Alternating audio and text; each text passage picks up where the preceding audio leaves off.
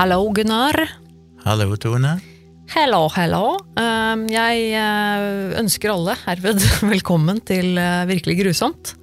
Det er jo denne podkasten vi driver med. da. Hver uke sitter vi her og jabber i vei om et eller annet uh, En eller annen virkelig grusom historie fra virkeligheten.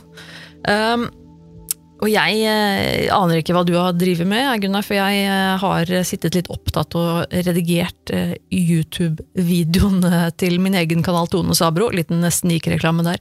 Men eh, jeg er litt spent jeg, på å høre eh, om du har eh, pisket opp en historie fra lyttemail, om du har eh, plukket noe fra YouTube-feeden din, eller hvor den kommer fra. Nei, i dag så jeg kikka litt på Vi har fått mange gode tips. Eh, Noen av de tipsene vi har fått nylig, var spennende saker, men veldig komplekse å sette seg inn i, så jeg orka ikke det i dag. Eh, Så jeg eh, gjorde den der klassiske googla 'gruesome mass murders', oh, ja. Mm. som alltid er et godt utgangspunkt. ja. Da finner en jo litt av hvert. Og jeg kom over en sak som jeg ikke hadde hørt om før. Relativt fersk sak. Men eh, før jeg forteller om det, så må vi jo minne på at vi har ei Facebook-side som heter Virkelig grusomt podkast. Gå gjerne inn der og følg den. eh, Trykk like, eller hva det heter. Følg, like, vet du søren. Et eller annet som gjør at du følger den sida, så du får med deg episodene vi poster, med bilder og linker og alt mulig sånn. Ja. Og en og annen livestream eh, av og til. Ja, Dukker av og til faktisk. opp der. Og så vil vi jo gjerne at folk sender oss tips på mail, virkelig grusomt, at gmail.com. Der mottar vi stadig vekk eh, de beste tips, som eh, stadig vekk blir til episoder også, faktisk. Ja. Men i dag så det, det er kanskje ikke den lengste historien å fortelle, men vi skal jo til et land som er deg veldig kjært, Tone. Oi! Så jeg tenker kanskje du har noen tanker sånn i etterkant, så vi kan sitte og prate litt om dette. Mm. Skal vi til Japan? til Japan, ja. Og noe som heter for The Sagamihara Stabbings. Har du hørt om det? Mm, nei, jeg tror ikke det. Det er en av de verste kriminalsakene i Japan. Det største massedrapet på veldig lang tid.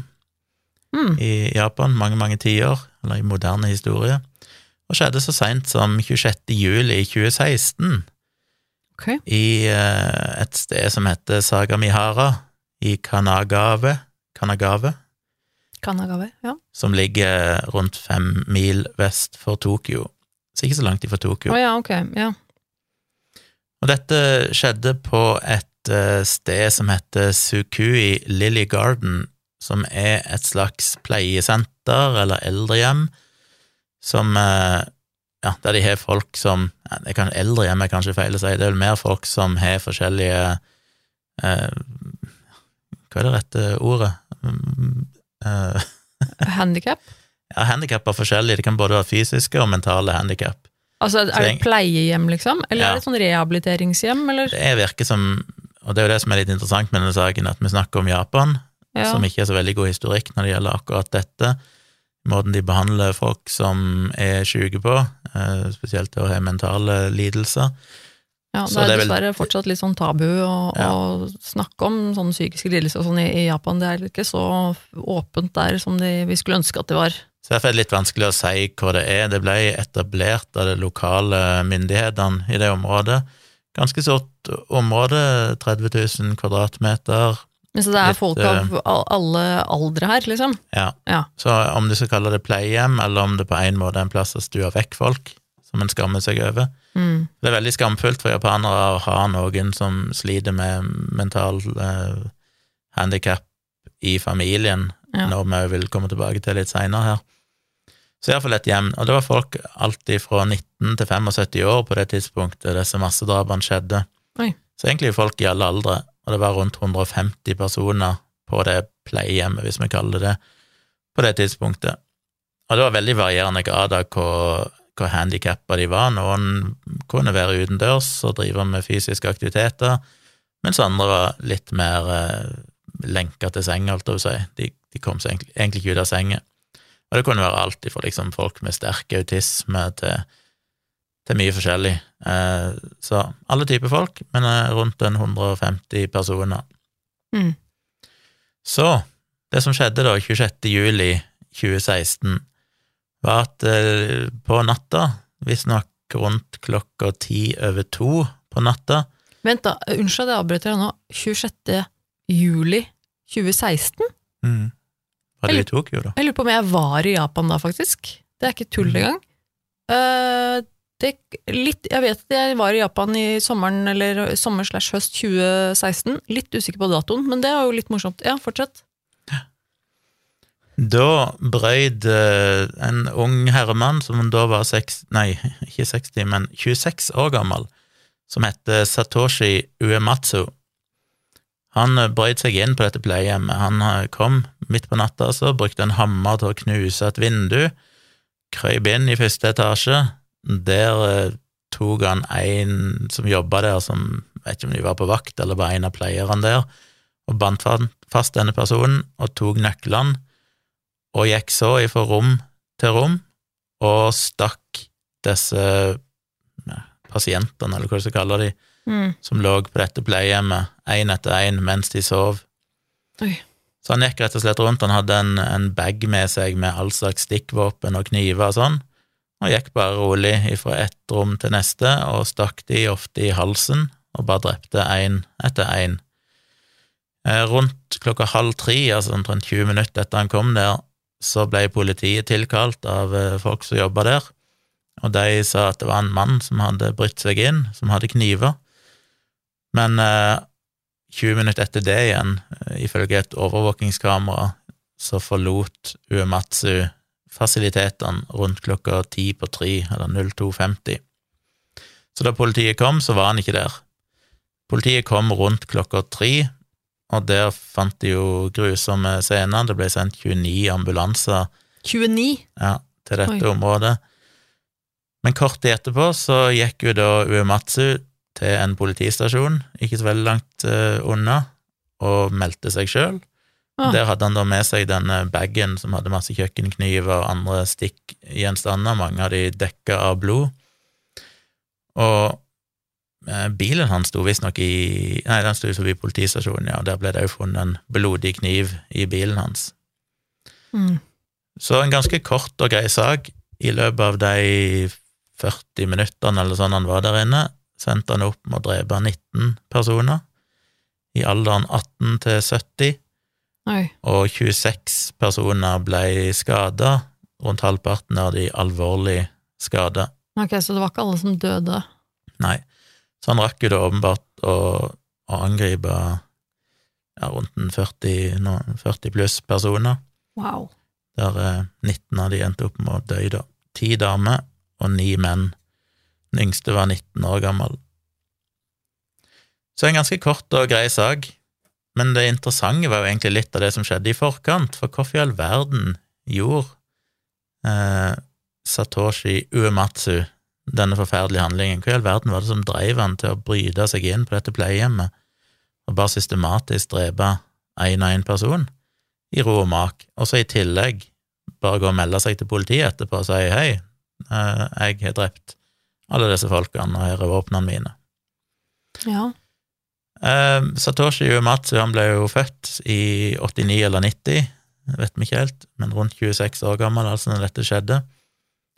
Han hadde en far som var lærer på skolen, eh, lærte innenfor kunst, håndverk, et eller annet sånt, og Uematsu hadde også tatt utdanning og jobba litt som lærer på grunnskole, men eh, han hadde òg hadde slutta i den jobben etter ganske kort tid. Han hadde bodd i huset med sin familie, men de flytta visst av gårde, eller foreldrene hans flytta av gårde på et eller annet tidspunkt, så da ble han igjen og bodde der alene. Og så, på et eller annet tidspunkt, og det er veldig lite detaljer her, men han begynte iallfall å jobbe på dette pleiehjemmet, der han seinere endte opp med å drepe alle disse menneskene. Aha. Der fikk han seg en jobb, og ikke helt sikker på hvor lenge han jobba der, men han mista eller han sa opp jobben. Noen plasser står det at han ble sparka, andre plasser står det at han eh, sa opp jobben sjøl. Han hadde visstnok jobba der i tre år. Så i februar 2016, altså bare noen måneder før han gjorde dette, så slutta han iallfall å jobbe der. Og som vanlig i sånne saker, så var jo naboene hans de var veldig overraska over at han hadde begått disse drapene, for de beskrev han jo som veldig vennlig, utadvendt og en god mann. Mm. Men noen hadde vel registrert at hans personlighet hadde endra seg litt på et eller annet tidspunkt mens han jobba på dette stedet da, i løpet av de tre årene, så hadde han blitt litt annerledes. Så i februar 2016, da han slutta i denne jobben, så hadde han eh, gått til en politiker som heter Tadamori Oshima, og prøvd å levere et håndskrevet brev til han. Um, eller ikke om brevet var håndskrevet, men et brev, et brev til han. Mm. Så han hadde møtt opp på huset til denne politikeren, men han eh, kom ikke inn av sikkerhetsvakter. Dagen etterpå så kom han tilbake igjen med dette brevet, og denne gangen så bare ga han det til sikkerhetsvakten og sa kan dere gi dette til Oshima, denne politikeren. Mhm. Og i dette brevet så var det en appell han hadde skrevet, der han ønska at det skulle bli lovlig å avlive folk som hadde ja, alvorlige handikap i forskjellige sammenhenger. Ok. Eh, Så han ønska jo da at denne Oshima, denne politikeren, skulle viderebringe denne meldingen til statsministeren i Japan, og prøve å få dette behandla på et eller annet vis. Og i dette brevet så skrev han jo at han så for seg en verden, altså han drømte egentlig om en verden der en person som var multihandikappa, iallfall, kunne bli avliva eller euthanized Eh, da med en tillatelse ifra vergene til denne personen, spesielt hvis det var vanskelig for denne personen å ta vare på seg sjøl, eller delta i sosiale aktiviteter, eller det var en byrde for vergene å, å passe på denne personen. mm. Han mente at det å, å drepe disse menneskene ville være for Japan og for verdensfred, og ikke minst ville det være bra for den globale økonomien og kunne forhindre en tredje verdenskrig, mente han. Ja, ok. Ja, for det er jo gjerne, det er jo gjerne multihandikappede mennesker som står bak de verste krigene her i verden. Det er klart Hashtag ironi, hvis du ikke tok den, altså. Eh, Så han skrev liksom denne appellen øverst i brevet, og så signerte han med navnet sitt, men under signaturen sin så fortsatte han å skrive videre, og der sa han at han kunne tilby seg å angripe to fasiliteter, som, uten at det var nærmere spesifisert, men de mener vel ettertid at det kan ha vært en referanse til to eh, bygningskomplekser som han endte opp med å drepe folk i seinere, på denne her plassen, for det besto jo av mange bygninger på dette her pleiehjemmet, Mm. det var ikke bare én bygning. Mm. Og så, etter han sa han kunne gjøre dette, så sa han òg at han, han måtte få enkelte ting i gjengjeld, da, for å ha gjort denne handlingen. Sannsynligvis ba han kanskje om å bli mildt straffa, eller at dette liksom skulle være, skulle være en slags deal da med, med regjeringen eller med myndighetene. okay. Så i den første halvdelen av dette, denne meldingen der han beskrev hva han kunne gjøre, så hadde han sagt han kunne klare å drepe rundt 460 personer. I andre halvdelen så han visst endra det tallet til 260, så det er litt uvisst akkurat hvilket tall han mente. Ok. Han sa jo at eh, de som jobba der, ville jo bli bundet fast, sånn at de ikke skulle blande seg inn i det han gjorde, men de ville ikke bli skada. Og han ville gjøre dette veldig raskt, og etterpå så ville han gå og melde seg til politiet. Ok. Og etter den andre delen av brevet, da, der han beskrev denne handlingen, så signerte han igjen, og denne gang med adresse og telefonnummer og navnet på arbeidsgiveren sin. Så han prøvde jo på ingen slags måte å være anonym. Dette var jo noe han mente måtte gjøres. Han ville ha en avtale med myndighetene om at dette skulle han da sannsynligvis ikke straffes spesielt hardt for, fordi at de ville De måtte jo innse, virker det som, at dette var til det beste for alle. Og helt absurd. Altså, han så på seg selv som en sånn wannabe leiemorder, han på en måte. Ja, Han ville gjerne bare ta på seg det oppdraget og Han- drepe de menneskene som han mente ikke var eh, gode nok for å leve, liksom. Er det tydelig at han mente at dette var noe som alle burde være enige om at måtte gjøres, da, men han skjønte vel kanskje at vi kan ikke bare Myndighetene kan ikke bare gjøre det sjøl, de kan- jo kan inngå en avtale med at han gjør det for deg. Yes, jeg kan ta det, det går bra. Jeg tar den for laget, liksom. Mm. Litt seinere så ble dette brevet sendt til politiet i Tokyo, og de kontakta videre politiet i Sagamihara. Og på den, i løpet av de, den perioden her, da, altså i begynnelsen av 2016, så drev jo òg Uematsu og tvitra en del, og der skrev han blant annet at han regna med han kom til å bli arrestert snart.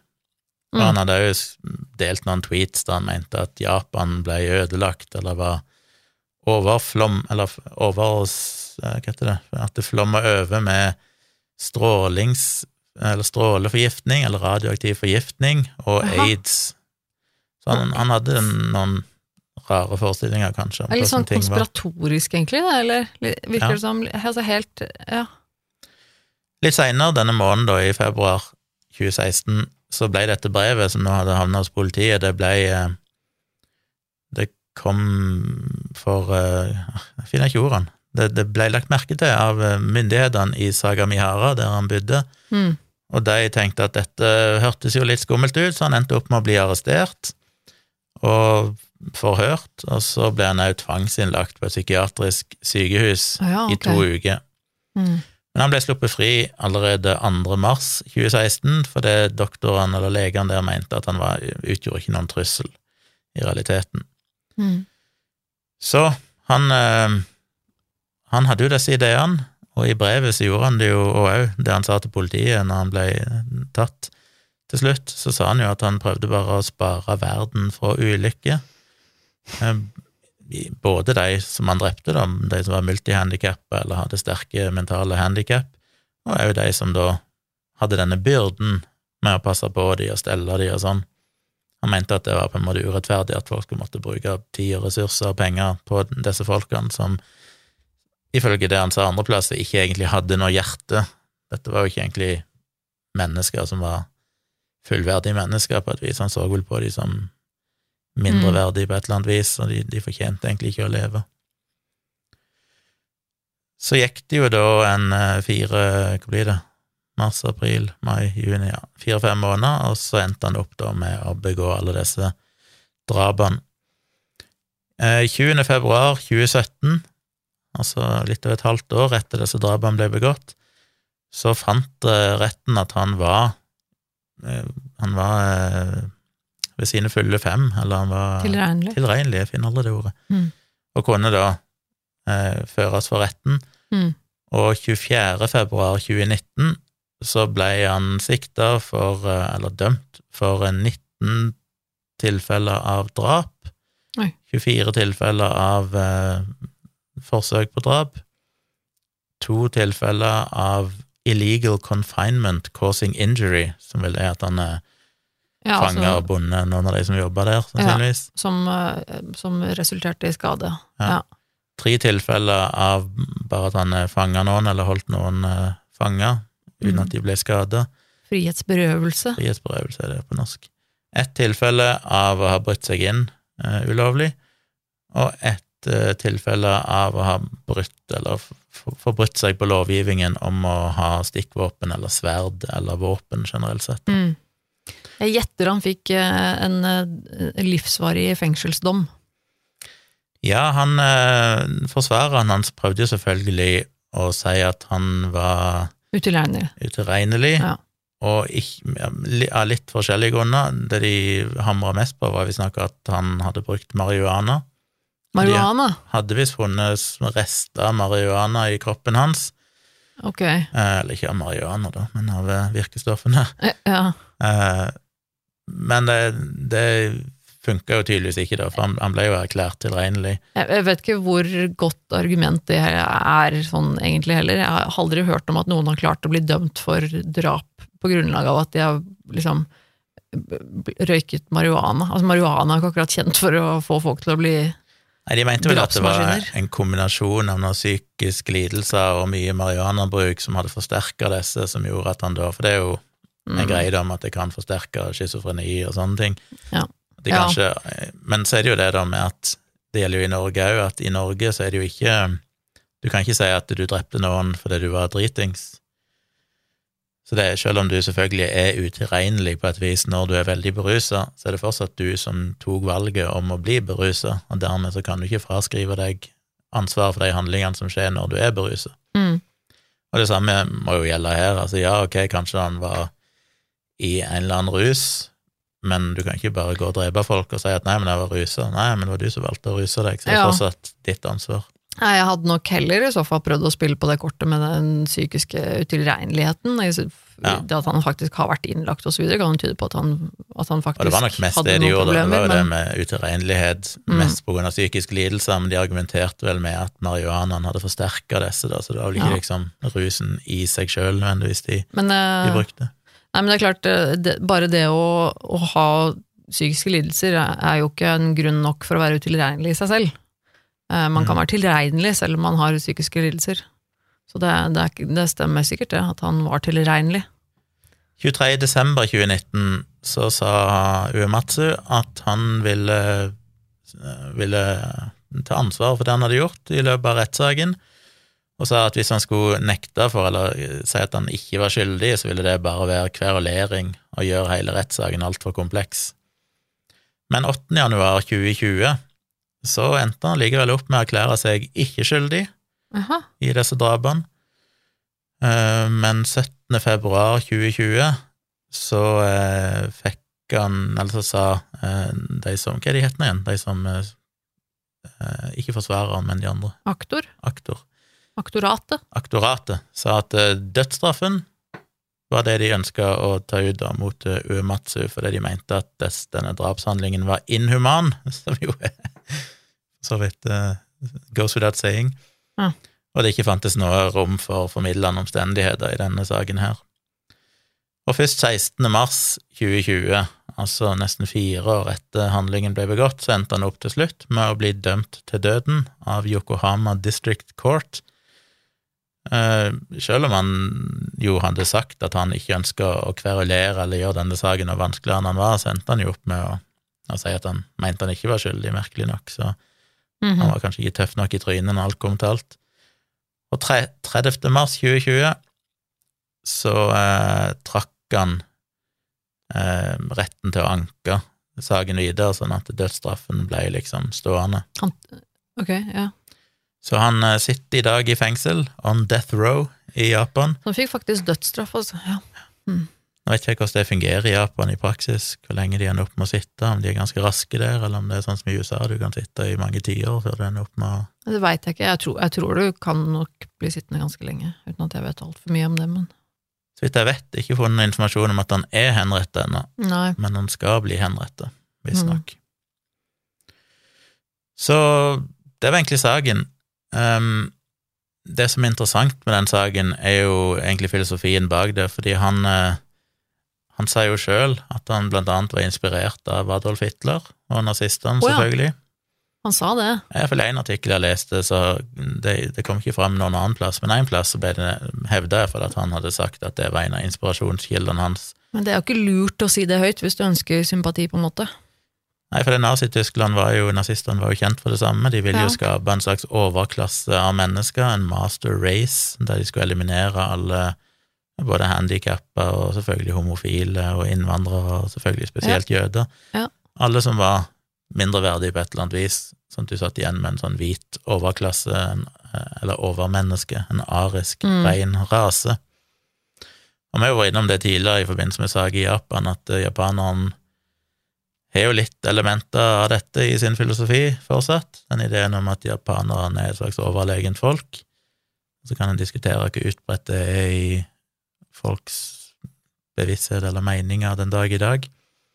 Ja, Men det er nok en, altså de er jo veldig strenge på innvandring, det er det. alt dette her. De, de Det liker er veldig jo homogent. Veldig homogent. Eh, Det er det, og det, de, de er jo veldig opptatt av å bevare sin egen kultur og, og religion og, og tradisjoner og sånn. Um, og det i seg selv er ikke nødvendigvis en dum ting, uh, men så kan man jo, som sagt, som du sa, diskutere på en måte i hvor stor grad dette på en måte da hvor er det dette møter eh, rasisme, eller eh, Altså, er det Ja. noen som vil påstå at det er, kanskje er litt rasistisk? Eh, Jeg syns jo det er kanskje litt langt å dra det så langt. Jeg vil jo kanskje si at ja, det er nok sikkert ganske mange utdaterte og gammeldagse holdninger blant japanere, men jeg tror nok kanskje det har mye med eh, Hva skal jeg si fremmedfrykt. Um, Holdninger til folk som har psykiske lidelser eller mentale Ja. handikap, det ser iallfall ut til å være utbredt. Og det var jo, ble jo eksemplifisert av at vi har jo egentlig aldri fått vite navnene til de som ble drept. Så vidt Nei. eh, jeg vet, så Det er var nok for å beskytte familiene, da. ja, det er basically én mor som sto fram, og det var mora til hun yngste som ble drept, Det var ei 19 år gammel jente som var autistisk, som var på dette pleiehjemmet. Der fikk vi vite fornavnet, som var Miho, Mm. Eh, og det er visstnok offentliggjort ett bilde av henne som ble tatt noen måneder før hun ble drept, da hun var på vei inn i dette pleiehjemmet. Mm. Men altså, ingen av familiene vil offentliggjøre navnene på dem, for det er såpass stor skam knytta til det å ha noen i familien som er handikappa, Ja. at det ble aldri snakk om.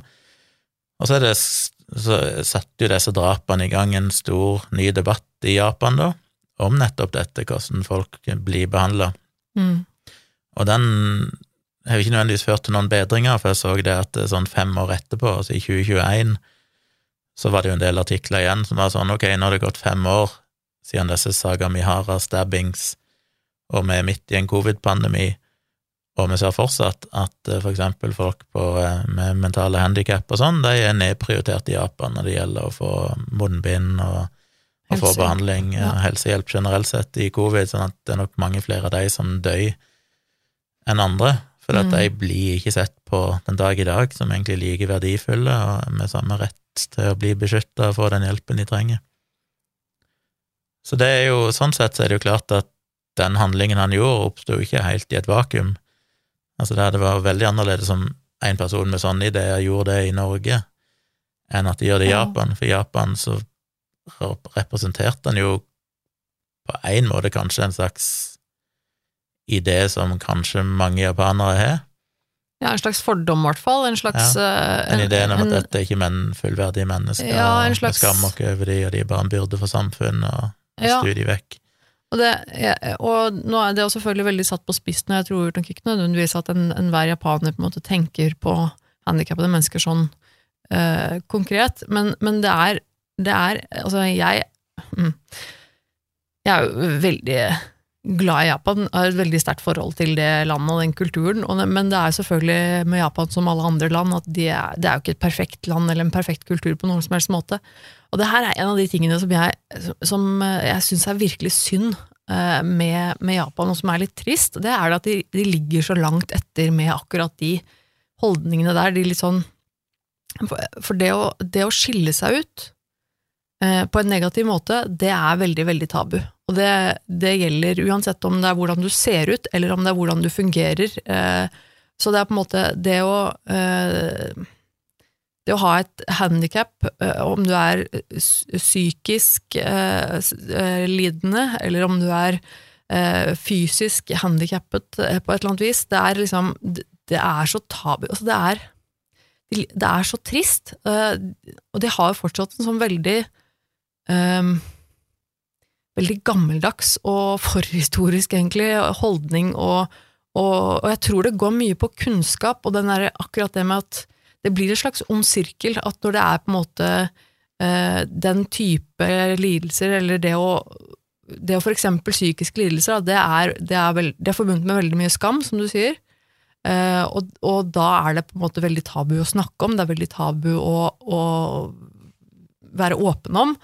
Og derfor er det nok også ganske mange, eller ganske få, som har ordentlig kunnskap om det, ikke sant? Fordi det, det går jo hånd i hånd. Og jeg tror det dessverre det at det er veldig lite utbredt uh, i Japan, dette med psykisk helse og hvordan psykiske lidelser uh, er, hva det, hva det er for noe, hva det går ut på, hvordan det kan arte seg, og, hvordan, og hvem som har det, og hvor vanlig det er og sånn. Det er jo ikke vanlig å snakke om. Og det er jo veldig, veldig trist. Og det jo, resulterer jo også at det er ekstremt mange i Japan som sliter med for eksempel da psykisk helse, men som må slite med det alene. Fordi at det er vanskelig å få hjelp, og det er vanskelig å være åpen om det. Uh, og, og, og ikke minst så er, er det også veldig mange som velger å ikke være åpne om det fordi de er redd for å pålegge skam til familien sin, altså. Mm. Uh, og og det, det er jo bare ekstremt trist. Så jeg må, må si, og jeg som på en måte har vært veldig, veldig åpen om mine psykiske lidelser, og, og har vært veldig sånn eh, Veldig opptatt av å formidle kunnskap om sånne ting. Det, det er eh, jeg som er så glad i Japan. Det er sånn utrolig sånn trist for meg. For det, og det er veldig mange i Japan som tar livet av seg hvert år. Det er, eh, det er ganske høye tall på det, og det er veldig, veldig trist. At det her er jo egentlig mennesker som, eh, som kunne fått hjelp, mest sannsynlig, hvis det hadde vært mulig å Hvis det hadde vært mer åpent, om, eh, åpenhet om det i samfunnet. Mm. Og det ja, jeg synes, åh, Det er en utrolig trist sak å høre om, for det er jo på en måte da Det setter jo bare på spissen og fremhever et stort problem i denne kulturen, da.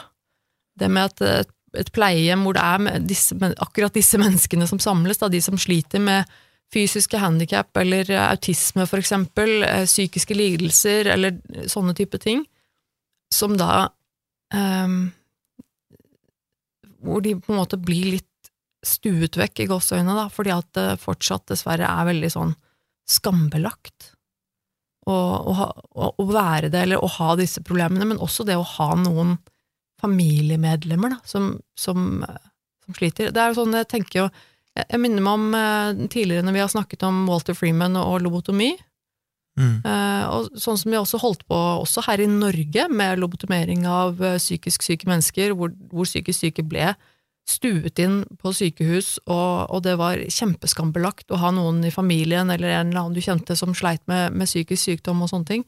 Vi holdt jo på sånn her i Norge også, men det er jo noen år siden nå, riktignok, heldigvis. Men det er større De henger liksom fortsatt lenger etter i Japan på akkurat de tingene der. Og det er utrolig trist. Um, Ja. Den forrige massedrapet i Japan, som var av samme størrelse, var jo i 1995. Som var denne saken, vet du, denne kulten som slapp denne saringassen på Mm. Tokyo Subway. det er en veldig interessant uh, Burde nesten kanskje ta den, en episode med den Ja. en gang. Det, selv om det er en forholdsvis kjent sak, så er den ganske interessant. Um, Men dette er jo det største massedrapet, jeg vet ikke når de forrige som var samme størrelse i denne Saringas-episoden, den drepte jo tolv personer, så det var fortsatt mm, en del færre enn dette. ja, ikke sant. 2001 så ble åtte barn drept og 19 skada da en um, psykisk syk mann uh, brøt seg inn i en uh, Eller tok seg inn på en uh, skole i, i Japan et eller annet sted og begynte å drepe folk med kniv. Mm, I 2008 så var det en fyr i Akihabara-distriktet, mm, det har vært mange ganger. Ja, det vil jeg òg, er ikke det? Mhm, Eh, som eh, kjørte bilen inn i masse folk der og Mm. hoppet ut av bilen og begynte å stikke folk med kniv og sånn. Ja, det drepte sju personer. Ja. Um, så det er vel egentlig de massedrapene som har skjedd. Så dette er det største som har skjedd på veldig lang tid. Men det er jo viktig, som du sier, at mener alle land, og Norge òg, har jo en forferdelig historikk med måten en har behandla folk med mentale handikap eh, tidligere. mm, Jeg tør ikke sette noe år på når det begynte å bli bedre, men jeg tipper iallfall de siste 50 årene så er det vel vært vesentlig bedre. Ja, det har jo gått har en, en, en, en klatrende kurve, da, alt jeg på å si. Det har jo gått Ja. bedre og bedre. Jo mer vi åpen opp, åpenhet vi har hatt om det, og jo mer kunnskap vi har spredd rundt det, så har det jo på en måte blitt mer og mer lett for, for oss som på en måte har slitt med, med den type sykdom, å være åpen om det. da, For at det, man etter hvert har begynt å forstå at dette her er ikke mennesker som er dårligere enn andre, på noen måte. Det er rett og slett bare Noen mennesker har annerledes og, og, og helse på visse områder enn andre. på en måte. Sånn er det jo bare. Det er viktig å huske på at disse folkene her var jo ikke folk med bare generelle psykiske Nei. lidelser, det var jo sterkt mentalt handikappa, eller autister som er så autistiske at de kan ikke snakke og sånne ting. Mm. Eller også fysisk handikap. Eller Altså fysiske de handicap. mm, ja, ikke kunne gå, eller ja. ja, Folk som ikke kan ta vare på seg sjøl og, ja, og trenger pleie 24 timer i døgnet. Ja. Så det er klart, det var, det var ikke bare folk med, med litt angst og depresjon, holdt jeg på å si, eh, uten å bagatellisere det, men det er jo nivået her, da. mm, Man kan jo diskutere i Norge og de fleste land så er jo dette med hvordan en ser på folk med psykisk sykdom generelt sett, uansett hva det måtte være, er jo én ting, men jeg tenkte jo mest på de da, som i dette tilfellet, sterkt handikappa folk, mm, der vi jo i Norge har en historikk, vel, der vi har stua de vekke på mm, sinnssykehus og alt mulig rart. Jeg fikk ikke den beste behandlingen, for å si det mildt. Det var jo en eh, Det pågår jo flere rettssaker i Japan nå. Så det var én sak med en 70 pluss år gammel mann som hadde gått til søksmål ganske nylig mot eh, japanske myndigheter fordi han ble tvangssterilisert da han var yngre. Uff, ja. Den saken ble eh, avvist i første omgang fordi de mente at den var forelda, Mm. men han har visst fortsatt anka det videre og sier at eh, det vil han ikke akseptere, og har saksøkt myndighetene for store beløp. Mm. Og det er flere sånne grupper som jeg har sett, som driver og jobber for dette, så det er jo et pågående problem. Ja, det er jo veldig bra, da, at de, at de faktisk gjør det. At det er mennesker som står opp og som prøver å fortelle sin historie og, og sette et lys på akkurat det, for det er et Mm. stort samfunnsproblem, da. eh, I Japan, når det er såpass, såpass eh, mange, eller når det er såpass stort omfang, da, så, så er det klart at det blir, det blir et kjempestort problem. Eh, Og det er, eh, det er litt sånn interessant, det der fenomenet akkurat i Japan også. Um, hvordan den, hvordan den teknologiske kulturen også har hatt en utrolig, på mange måter, negativ eh, innvirkning på, på kultur, og hvordan, hvordan vi ser nå at at basically Japans befolkning kommer til å dø ut om Mm. ikke så lenge. Eh, Fordi at det er mennesker som altså de, blir, de blir veldig gamle, men de har nesten eh, altså, sluttet å føde barn. Altså det er veldig, veldig få barn som blir født i Japan hvert år. For det er ekstremt eh, fokus på det å være flink med karriere. Satse på eh, jobb og arbeid og, det, og sånne ting. Og samtidig er det veldig mange single. Veldig mange kvinner som, eh, som, eh, eh, som syns det er Eller veldig mange som syns det er vanskelig å finne en partner. Både fordi veldig mange single menn, veldig mange nesten Nesten vi kan kalle på en måte incels. Altså det er litt, litt sånn veldig fort at, at de har en kultur hvor menn ofte blir sittende i en, i en Hva skal jeg si det? I en eh, slags internettkultur, og Ja, for det En vil jeg gå over til her nå, for det han der Satoshi Uematsu, han, han fremstår jo litt som en incel, uten at vi vet noe om det. Jeg har ikke sett det er blitt sagt noen plass, men bor hjemme hos foreldrene sine, Ja. han er 60 år gammel, de flytter av gårde, så bor han alene. Ja. Så ikke ut han hadde noen kjæreste eller noen ting sånn. Nei. Um, jeg har sittet og fått noen rare ideer. Gudene vet hvor han har fått de. Jeg jeg har jo prøvd å google og lest mye artikler, men det er veldig lite bakgrunnsinformasjon om han.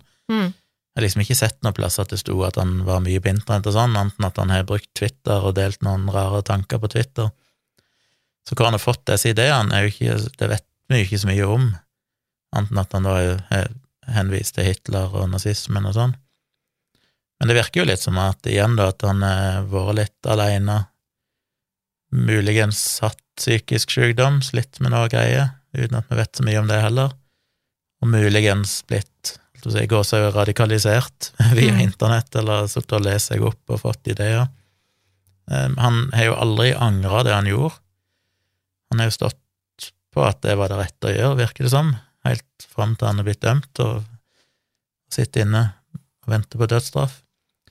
Så han virker jo helt sånn, det er litt sånn Breivik-aktig, at det er noen som handler i en sånn dyp overbevisning om at dette er det rette å gjøre, og det finnes ingen anger, og de har ikke kommet på noen bedre tanker på tross av at de er sittet i fengsel og gjennom rettssak og har blitt eh, veldig klar over hva de faktisk har for en lidelse de har påført familiene og sånne ting, så er det ingen anger å spore. Så det er veldig interessant hvordan noen kan få sånne ideer og bare bli helt Det minner jo veldig mye om det vi diskuterer i disse tidene, med radikalisering av unge og Mm.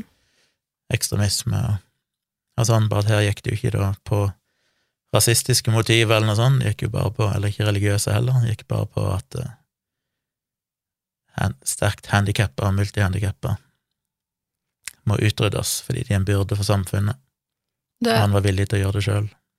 det, det er litt sånn eh, Ja, og det jo dette med incels og, og den type radikaliseringskultur er jo eh, relevant eh, i store deler av verden, og også her i Vesten, men jo det man ofte ser på en måte som er litt interessant også med japansk kultur, er at det er jo selvfølgelig eh, et, et gjeldende problem i Japan også, som det er i her i Vesten, men, men i, i Japan også har de en veldig sånn sterk eh,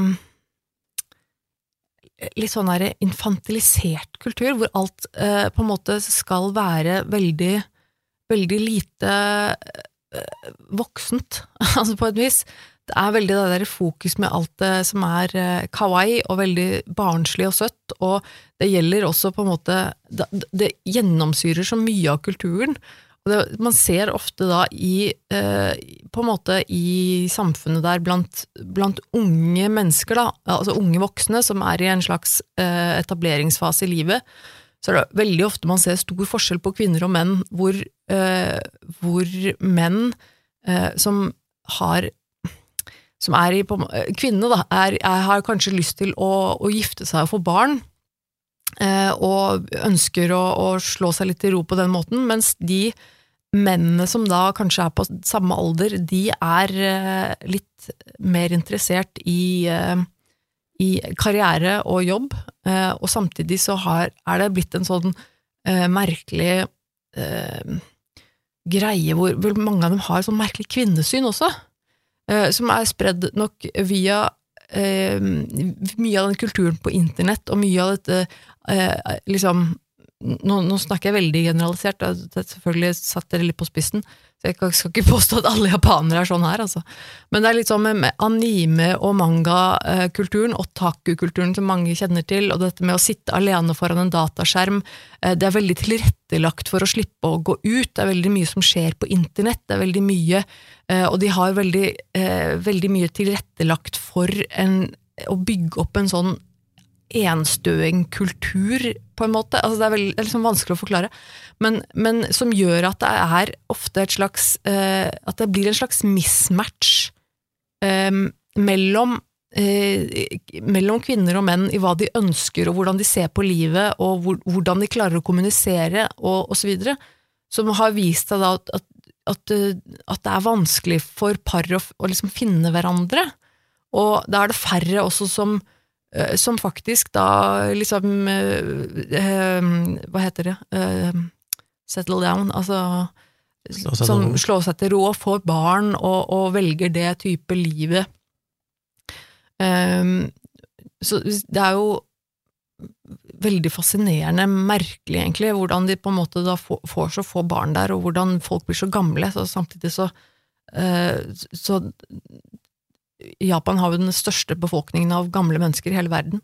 Altså, og så har de nesten sluttet å føde barn. Så det er på en måte et eh, helt sånn merkelig, merkelig eh, fenomen, nærmest. Um, ja, det er kombinert med at de er veldig restriktive på innvandring, gjør jo at de sliter ja. etter hvert med arbeidskraft og sånne ting. Ja, det er, eh, det er, det er merkelig fascinerende. Jeg vet ikke hvor mye med, mer vi har å si om den saken, enten at jeg må bare si at eh, jeg vet at uh, hvis det er noen som reagerer på ordbruken, så er det jo litt omdiskutert om du skal bruke ordet multihandikappa. Ja, er det det? Jeg ser jo det at de blir jo brukt i avisartikler sånn fram til nyere tid, men det jo, jeg vet jo jeg sjøl snakker i min egen podkast om hvilke ord en skal bruke. Jeg syns alltid det er litt vanskelig å vite. Det er vanskelig. Det, uh, ja, jeg var inne på den debatten med, om å være autist eller å ha autisme, ja. så er jo ingen enig i Men handikappa Uansett hva du sier, så blir noen sure. Handikappa Kan man ikke si handikappa? Skal egentlig unngå det ordet, men det er liksom vanskelig å vite hva en skal erstatte det med. Noen plasser står det at du heller bør si multifunksjonshemma. Det skal være bedre. Funksjonshemmet, ja. En person med flere funksjonshemninger, heller ja. enn multihandikappa. Beklager, burde du egentlig si det isteden. Ja.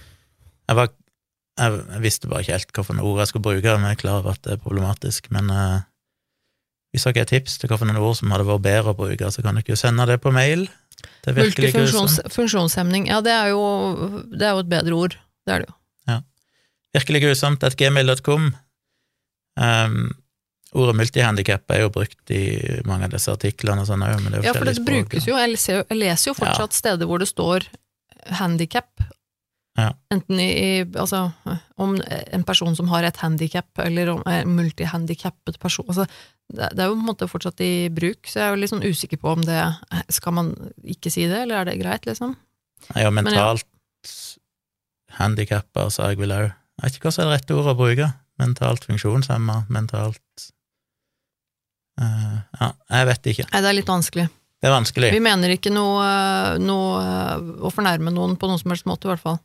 Nei, og det er ikke noen unnskyldning, det, men jeg vet rett og slett bare ikke hvilke ord en skal bruke i den sammenhengen, så tar gjerne imot tips.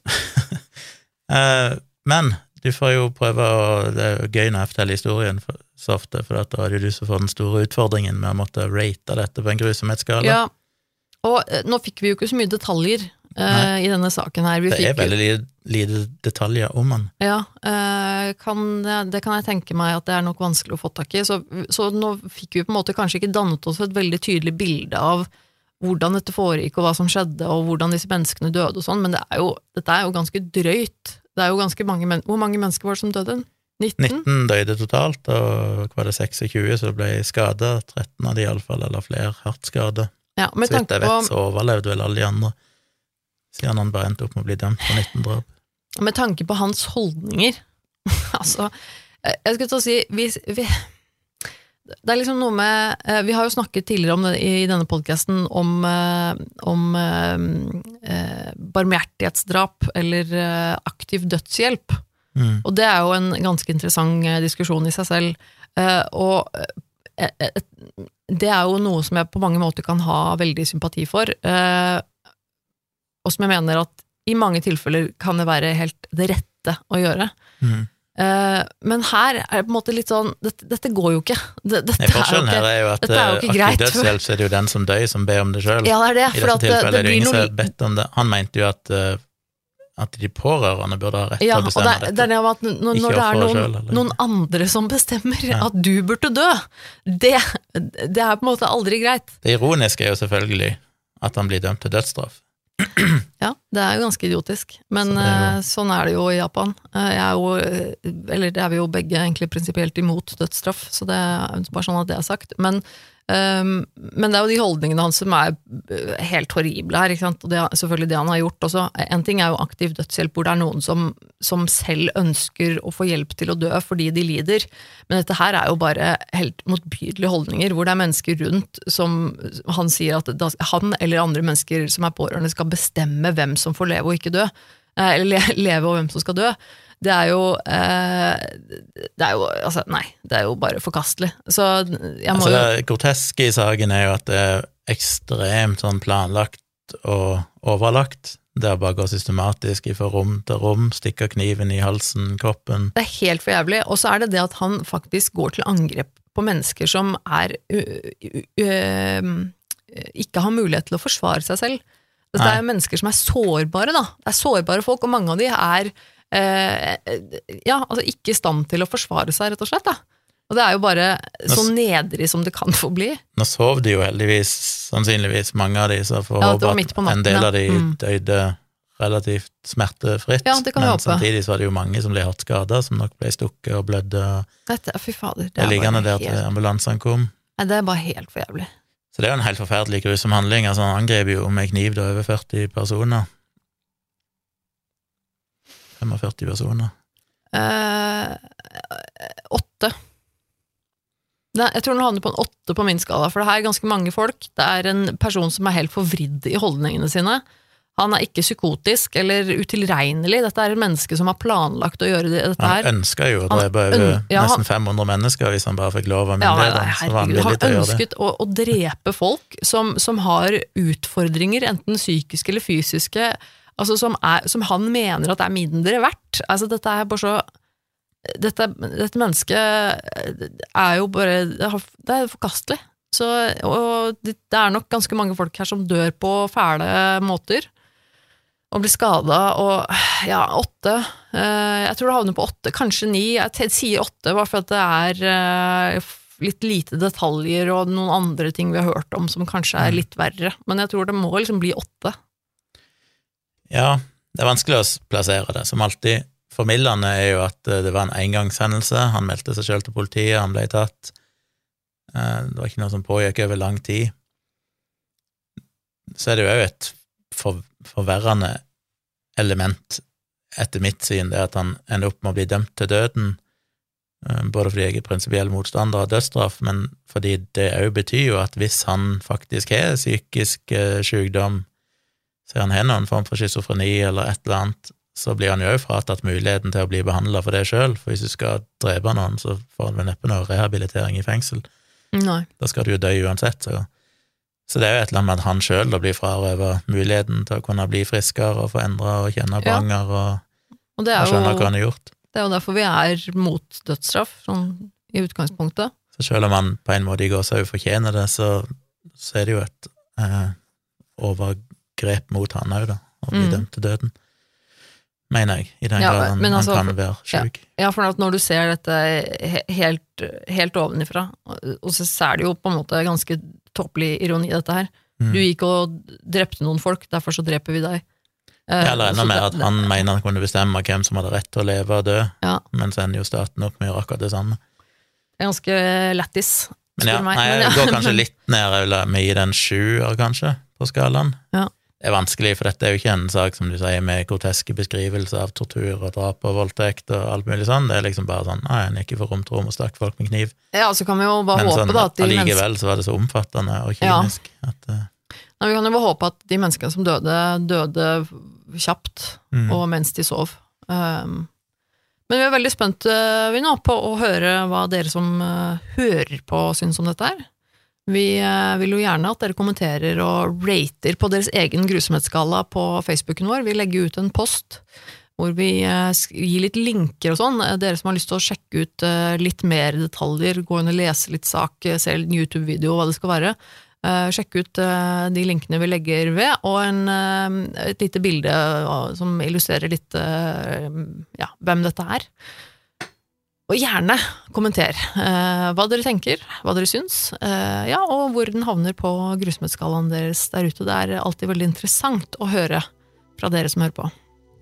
Og følg dere gjerne i sosiale medier. Jeg er Civix, C-I-V-I-X, både på Instagram og eh, Twitter, og for så vidt Facebook òg.